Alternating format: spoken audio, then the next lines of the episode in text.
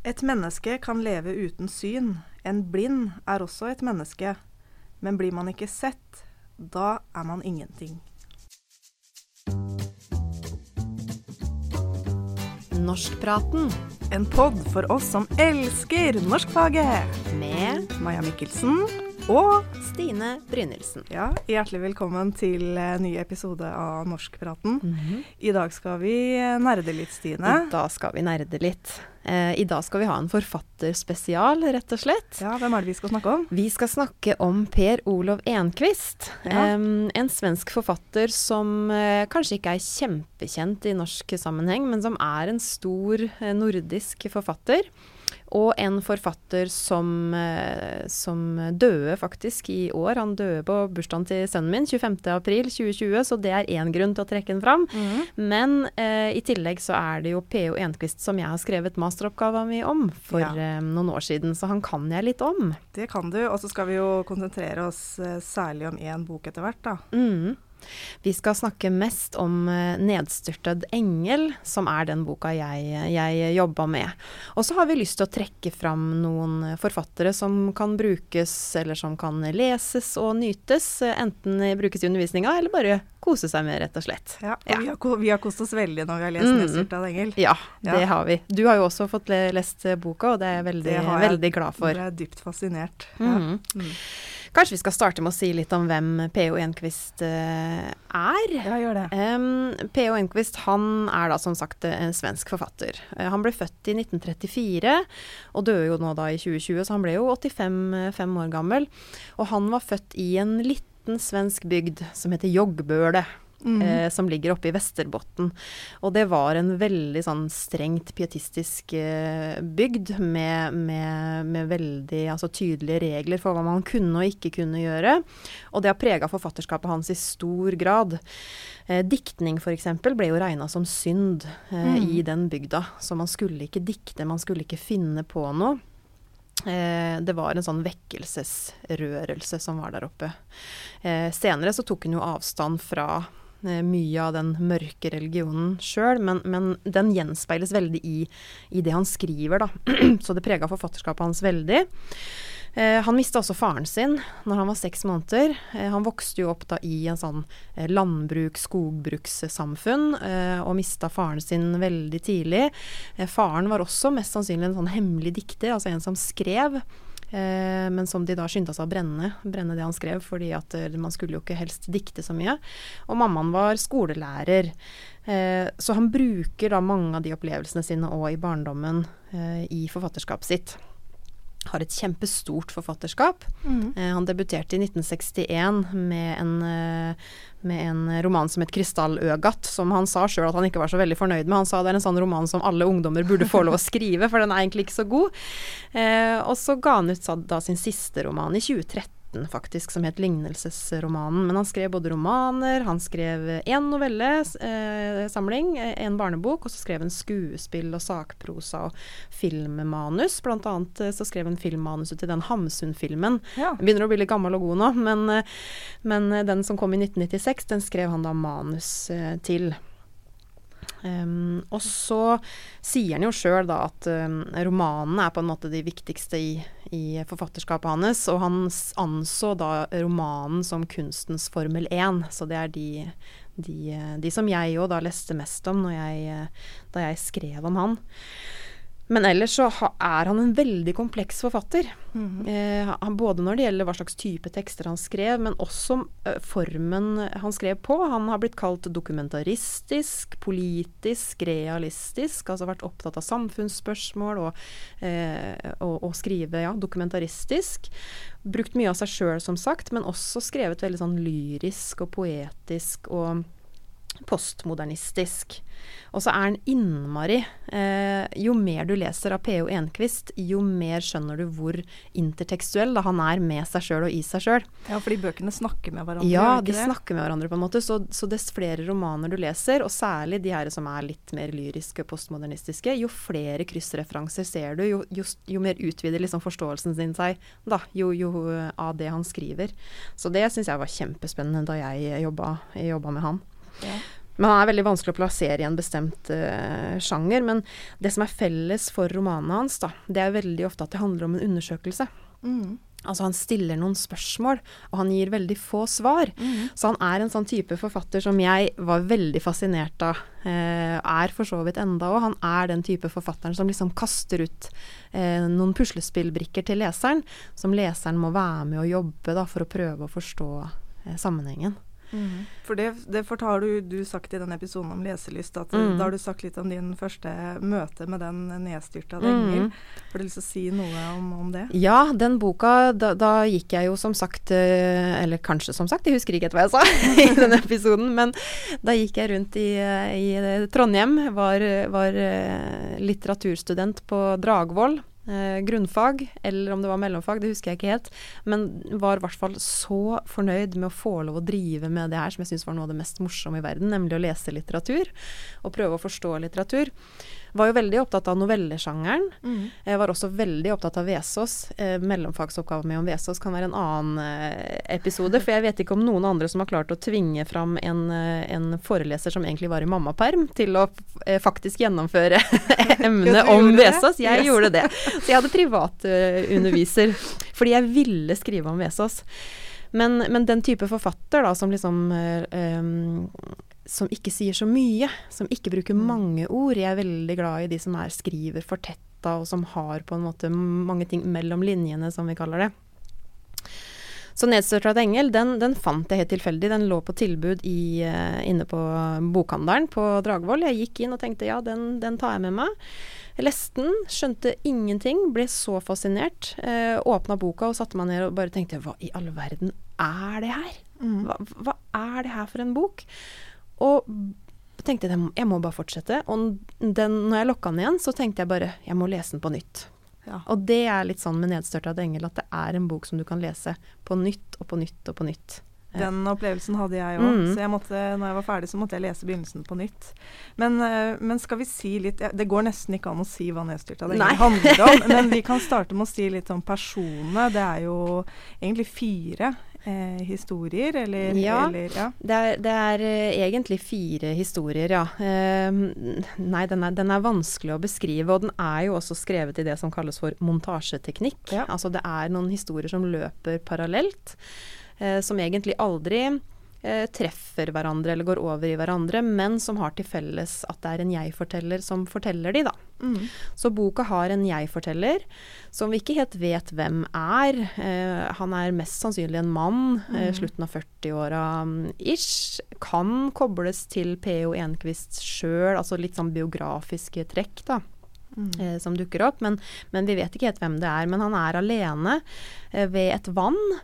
Og han driver og drømmer, og han, han skriver, noterer på lapper. Eh, han har tydeligvis et sånt prosjekt om å prøve å finne sin identitet, eller prøver å forstå seg sjøl.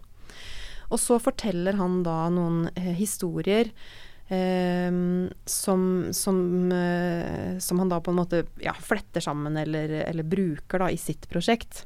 Og den første historien, det handler om en uh, mann som heter Pascal Pinon. Mm. Som er en mann som faktisk levde på, på 1800-tallet. Som hadde et hode til. Han hadde mm. ikke bare ett hode, men han hadde en utvekst ja. som også var et hode. Og hvis du googler Pascal Pinon, så kan du se, se bildet av han. Han hadde faktisk en sånn eh, utvekst som sikkert ikke var et hode på ekte, da, men i romanen så har Pascal Pignon et hode, og det hodet heter Maria. Og Maria og Pascal har en slags kjærlighetshistorie. Mm. Eh, de framstilles som monstre. Eh, på én måte, eh, men samtidig også da som mennesker. Så de, de stiller veldig sånn da spørsmålstegn ved hva vil det si å være et menneske? Hvor mye trenger man for å være et menneske? Mm. Maria har ikke noe språk, men Maria synger stille sanger til Pignon. Mm. Enten slemme sanger eller gode sanger, så de kommuniserer litt seg imellom. Men, men ellers så har ikke Maria noe språk. Og han Pignon han blir jo da oppdaga av en en sånn uh, Hva heter det for noe? Sirkusdirektør, mm. impresario, som da tar med han rundt for å vise han fram på sirkus. Så det er én uh, sånn parallell historie som går. Den andre den handler om eh, en gutt som kalles for Poiken. Mm. Eh, som er psykisk veldig syk, som har drept ikke mindre enn to barn, mm. og som er da innlagt på sinnssykehus. Eh, det ene av det barna han har drept, det hører til eh, en mann som kalles for K, og kona hans. Og K er jo da Han jobber jo da i psykiatrien. Mm. Eh, og han, um, han Poiken klarer da å drepe K mens de er på det sykehuset en gang. Og så blir det et sånn veldig merkelig forhold mellom, på, mellom K, Poiken, og hans hustru, fordi de utvikler også et slags kjærlighetsforhold. Altså de ekteparet utvikler et slags kjærlighetsforhold. Eh, hustruen er jo fysisk har jo et fysisk forhold med Poiken, men også K da utvikler et kjærlighetsforhold med sitt barns morder. Mm. Som jo er litt spesielt. Det er spesielt. nesten den mest uh, berørt Eller den historien er vel nesten mest berørt. Ja. ja. Mm -hmm. Og så handler det jo også om K og hans hustru, som, som jo har et uh, Kanskje det mest normale uh, kjærlighetsforholdet, altså som et ekteskap, men som også sliter veldig. Det er et elsk-hat-forhold, ja, vil jeg si. Ja, Et elsk-hat-forhold. Ja. Og så har du da til sist uh, den siste parallellhistorien som går. Den handler om Ruth Berlau, mm. som var Bertolt, Bertolt Brecht mm. sin elskerinne. Og Ruth var sykelig opptatt av Bertolt Brecht, altså hadde usunt kjærlighetsforhold med han. Uh, var helt avhengig av han, og når han støtte henne bort, så ble hun sinnssyk. Havna på sinnssykehus. Um, og når Bertolt Brecht dør, så lager hun da en gipsmaske av hodet hans, som hun bærer med seg rundt i en hatteeske, og syns at det egentlig er mye lettere å kommunisere med Brecht nå som han er død. Hun skjeller han ut, og hun kommer med kjærlighetserklæringer ja. og mye forskjellig. Så, så, det er noen spesielle historier ja. som settes sammen her. Jeg må bare si, jeg lo høyt, for hun gjemmer jo en whiskyflaske det er inni ja, denne hatten, i, inni hodet. så det er, er full. Det er, det, er, det er, mange komplekse ting, da.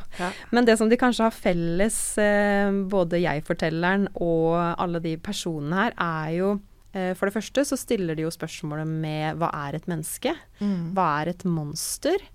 Og så er det jo også spørsmål om hva er kjærlighet? Mm. Eh, og hvordan Altså hva er på en måte Det er vel få eksempler på veldig sunn kjærlighet her, men det er jo kjærlighet som du ikke kan bli kvitt.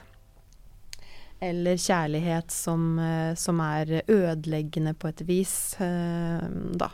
Men også vakker stalkerkjærlighet. Ja, for det handler jo mye om det å bli sett og ikke mm. sett. Apropos det sitatet jeg leste innledningsvis. Mm. At alle er avhengig av at noen ser dem ja. som, uh, som, et menneske. da, Og da er jo særlig en, en sykepleier som pleier han Pignon uh, i slutten av boka. Uh, hvor hun også sånn Nærmest i det å få pleie han, at det er en type kjærlighet. Mm. Da. Og, og, det var jo det som, som jeg undersøkte i min min masteroppgave òg, da handla jo om det her med eh, hvordan blir man et menneske? Mm. Eh, og, og, en sånn hovedtanke som, eh, som, som man vel kan ha, i hvert fall ha som et sånn analytisk perspektiv, da, som jeg tenkte, var at et menneske blir jo til et menneske gjennom språk. Mm. Og det blir til et menneske gjennom et fellesskap. Og det å oppleve kjærlighet. Fordi hva er det mest mellommenneskelige egentlig som fins? Jo, det er jo språket vårt. Det er evnen til å kommunisere og snakke sammen. Det er egentlig det som gjør oss til mennesker, da. Eh, så jeg undersøkte da hvordan språk og kommunikasjon eh, ble brukt av de ulike personene, eller ikke brukt. Mm. Sånn som f.eks. Maria. da. Maria har ikke et språk. Eh, men Maria defineres allikevel som et eh, menneske. Ja. Men Maria synger stille sanger. Ja, hun har i hvert fall ikke et verbalspråk, men hun Nei. gråter jo blant annet. Ja. Hun har kroppsspråk. Hun har kroppsspråk, ja. så det å titte jeg på da, både, mm. både, verbalspråk, men også kroppsspråk. Og Maria bruker øya sine til å mm. kommunisere osv., men er allikevel helt avhengig av at Pinon også er med på å uttrykke eh, hennes eh, identitet, da. Mm. Eh, og det å da når det å ha et språk er det som gjør deg til et menneske, eller å kunne kommunisere, så vil jo da også mangelen på et språk eller mangelen på muligheter til å kommunisere, være veien til ensomhet. Mm. Så det var noen av de tinga jeg, jeg titta på. Mm. Um, og så er det mye bruk av skriftspråk òg i den mm. boka, er det ikke det? Jo, det er også mye bruk av skriftspråk. Jeg-fortelleren, han, øh, han, noterer og skriver dagbøker. Han er forfatter. Han bruker språket til å uttrykke seg sjøl. Eh, Poiken, som jo er, ja, ikke, han er, han er ikke god til å snakke sammenhengende, og han uttrykker seg veldig knotete, men han skriver små lapper lapper. Mm. Små koder, som de kaller det, mm. som han finner rundt omkring. Som, som, på en måte uttrykker den desperasjonen han antageligvis da har, har inni seg. Um, Bertolt Brecht er jo forfatter. Ruth Berlev er også egentlig forfatter, men på langt nær så suksessrik som Brecht, mm. da, og det jo sliter jo hun med. Så det er mange, mye bruk av, av skriftspråket mm. uh, her. Um, det som jeg uh, tenkte òg da var interessant i min, eh, min, masteroppgave, det var å se på det her med hvordan bruker de språket på i ulike eh, Nesten fra sånn mikro til makronivå. Mm. For først så titta jeg på hvordan bruker de ulike personene språk og kommunikasjon, eller hvordan bruker de det ikke. Altså som jeg nevnte f.eks. da Maria som ikke har noe språk, eller Poiken som skriver lapper, eller K og hustruen hans som kan ringe til hverandre og ikke si et ord. De, ja. de, står bare på hver sin side av røret og sier ingenting, fordi mm. det de har opplevd er kanskje så vondt og vanskelig at ikke det går an å si mm. noe om. Uh, så jeg, det var det første jeg analyserte. Men i tillegg så så jeg på hvordan jeg-fortelleren da bruker språket og bruker historiene til å prøve å forstå seg sjøl. Mm. Um, og i tillegg, det tredje laget var jo hvordan den boka her bruker språk Eh, hvordan forfatteren på en måte roper litt på leseren. For leseren må jo være med å skape eh, historien her. Det er en historie som du kan ikke bare Den, den trenger å, at du bruker din kreativitet da, til å koble sammen og til å ønske å forstå eh, sammenhengene. Ja, jeg syns det var kjempefascinerende hvordan den boka tematiserer seg sjøl nærmest gjennom at leseren må jo da se mm. teksten for at den skal Teksten er veldig annerledes, akkurat som alle personene i boka. Og så er det leseren leseren som må se mm. teksten for at den skal være meningsfull. Ja. Så det er en bok som egentlig er ganske sånn vanskelig å eh, å, å, snakke om sånn sett, men, men, eh, men, den tematiserer som sagt det her hva er det å være et menneske, og, og hva er egentlig kjærlighet. Mm. Og da er det jo um, Jeg brukte jo en, en russisk uh, litteraturviter og filosof, en intellektuell som heter Mikhail Bakhtin, som jo er mm. ganske eh, kjent. Ja. Jeg, ikke, jeg, jeg, skal ikke skryte på meg at jeg kan veldig mye om, om, han, eller at jeg brukte veldig omfattende deler av hans um, av det han gjorde. Men det som han har som er interessant, da, det er jo det her teorien om menneskets dialogiske natur. Mm. Altså både eksistensielt, altså vi må være noe i forhold til noen. Vi må For å kunne på en måte finnes, så må vi hele tiden forholde oss til å samhandle med de rundt oss. Men også da gjennom selve språket, det å kunne kommunisere. Så han, han, at, det, at, alle mennesker er avhengig av et sånn jeg-du-forhold. da. Jeg er noe i forhold til deg. Mm. Eh, jeg står i en eller annen sånn sosial sammenheng. Det mm. syns jeg alltid har vært kjempeinteressant. Det er veldig interessant. Og i språket i seg sjøl så mm. ligger det på en måte en innbakt forventning om den andre. Mm. Uh, du må ha en, en ja. mottaker, liksom. Du må ja. ha noen som kan se deg, da, eller ja. noen som kan forstå deg. Og det er jo veldig satt på spissen i forhold til Maria, syns jeg, for hun lever jo bare åtte minutter etter at uh, han uh, er død, da. Han Pignon. Når Pignon dør, så lever Maria videre i åtte minutter mm. alene. og det er også en sånn sterk scene i den boka, veldig. hvordan du må møte døden alene.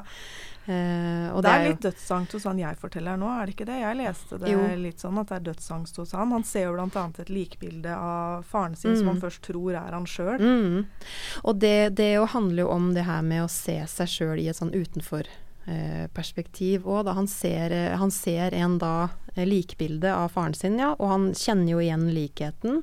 Og tror da det lille sekundet der han tror at 'oi, det er jeg som er død', mm. så ser jo han seg sjøl utenfra.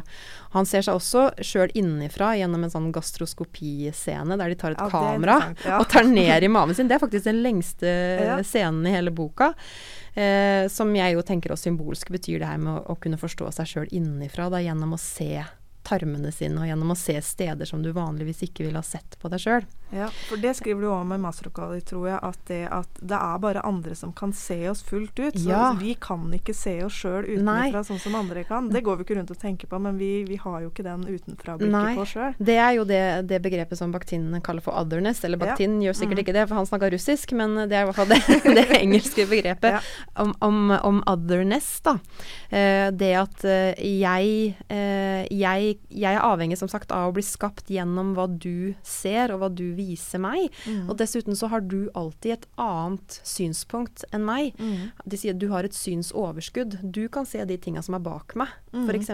Du kan se deler av meg som ikke jeg ser. Mm. Derfor så er jeg helt avhengig av deg da, for å kunne skape meg. Um, det syns jeg er kjempeinteressant, og det er jo det som veldig mye eh, i den boka her handler om. Eh, det å bli sett og det å bli skapt.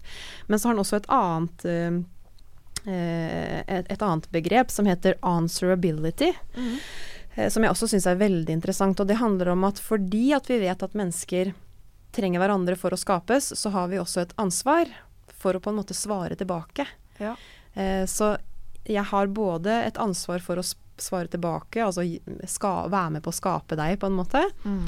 Men jeg har også en mulighet til det, da. En ability til å gjøre det. Sånn at hvis jeg nekter å være med, sånn som Pignon noen ganger nekter å formidle det Maria sier eller mm. tenker, mm. så, han, så, nekter han på en måte å være med på å skape henne for omverdenen, da, gi henne mm. en identitet. Mm. Og det er jo en litt sånn moralsk forpliktelse som Bakhtin i hvert fall mener at vi kanskje har. Mm. Og han poiken nå blir jo på en måte svikta av sin egen familie. Det er jo han K, mm. hustruen og, og jeg-fortelleren som hjelper han. Eh, Eh, som er de eneste som hjelper han. Mm. Mm.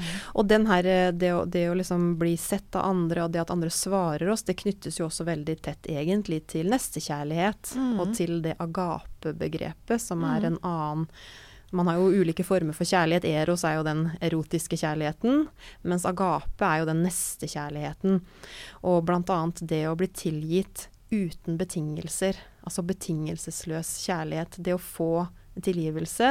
Eh, det å få kjærligheten uten at noen krever noe av deg. Det er, det er jo sterkest i møtet ja. mellom han K og poiken. Mm. Mm. Eh, så det er, det er, også en sånn veldig vakker tematikk i eh, 'Nedstørtede engel'. Mm.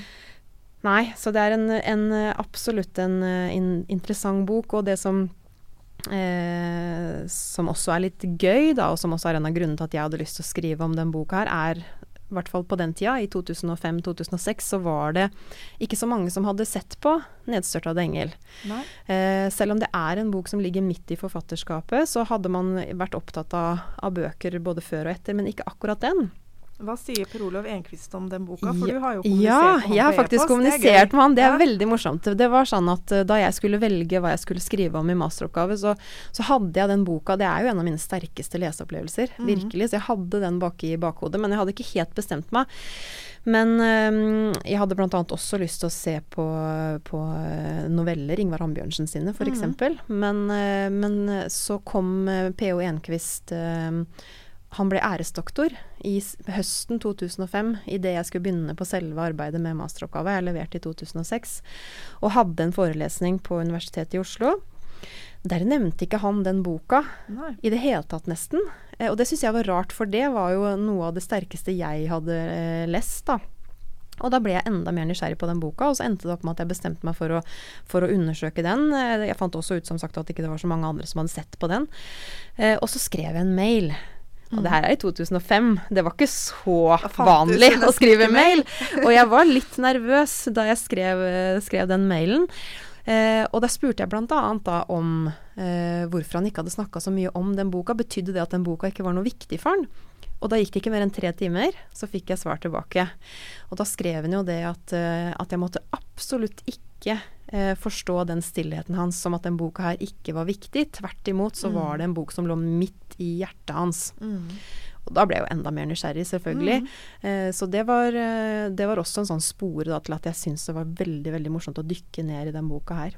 Og så har jeg hørt han var veldig alkoholisert på den tida, ja. så da hadde han omtrent én time på døgnet hvor han faktisk kunne jobbe da og ja. skrive. Og derfor er den boka kort. Det, det, er akkurat det, for i 2009 så kom, kom han ut med en sånn selvbiografisk bok som heter 'Et annet liv'. Ja. Og hadde jeg hatt den boka Jeg turte jo ikke akkurat å spørre Per Olav Enquist på mail hva var det som skjedde da, liksom. Så jeg visste ikke at han var alkoholisert eller at han var i en skilsmisseprosess og hadde mm. det veldig tungt. Men eh, med den boka 'Et annet liv' da i 2009 så skriver han jo om nettopp det. Det er selvbiografien hans? Ja, det er selvbiografien. Ja. Mm. Så det gjør jo at det Du, får enda et perspektiv mm. da, på den boka her.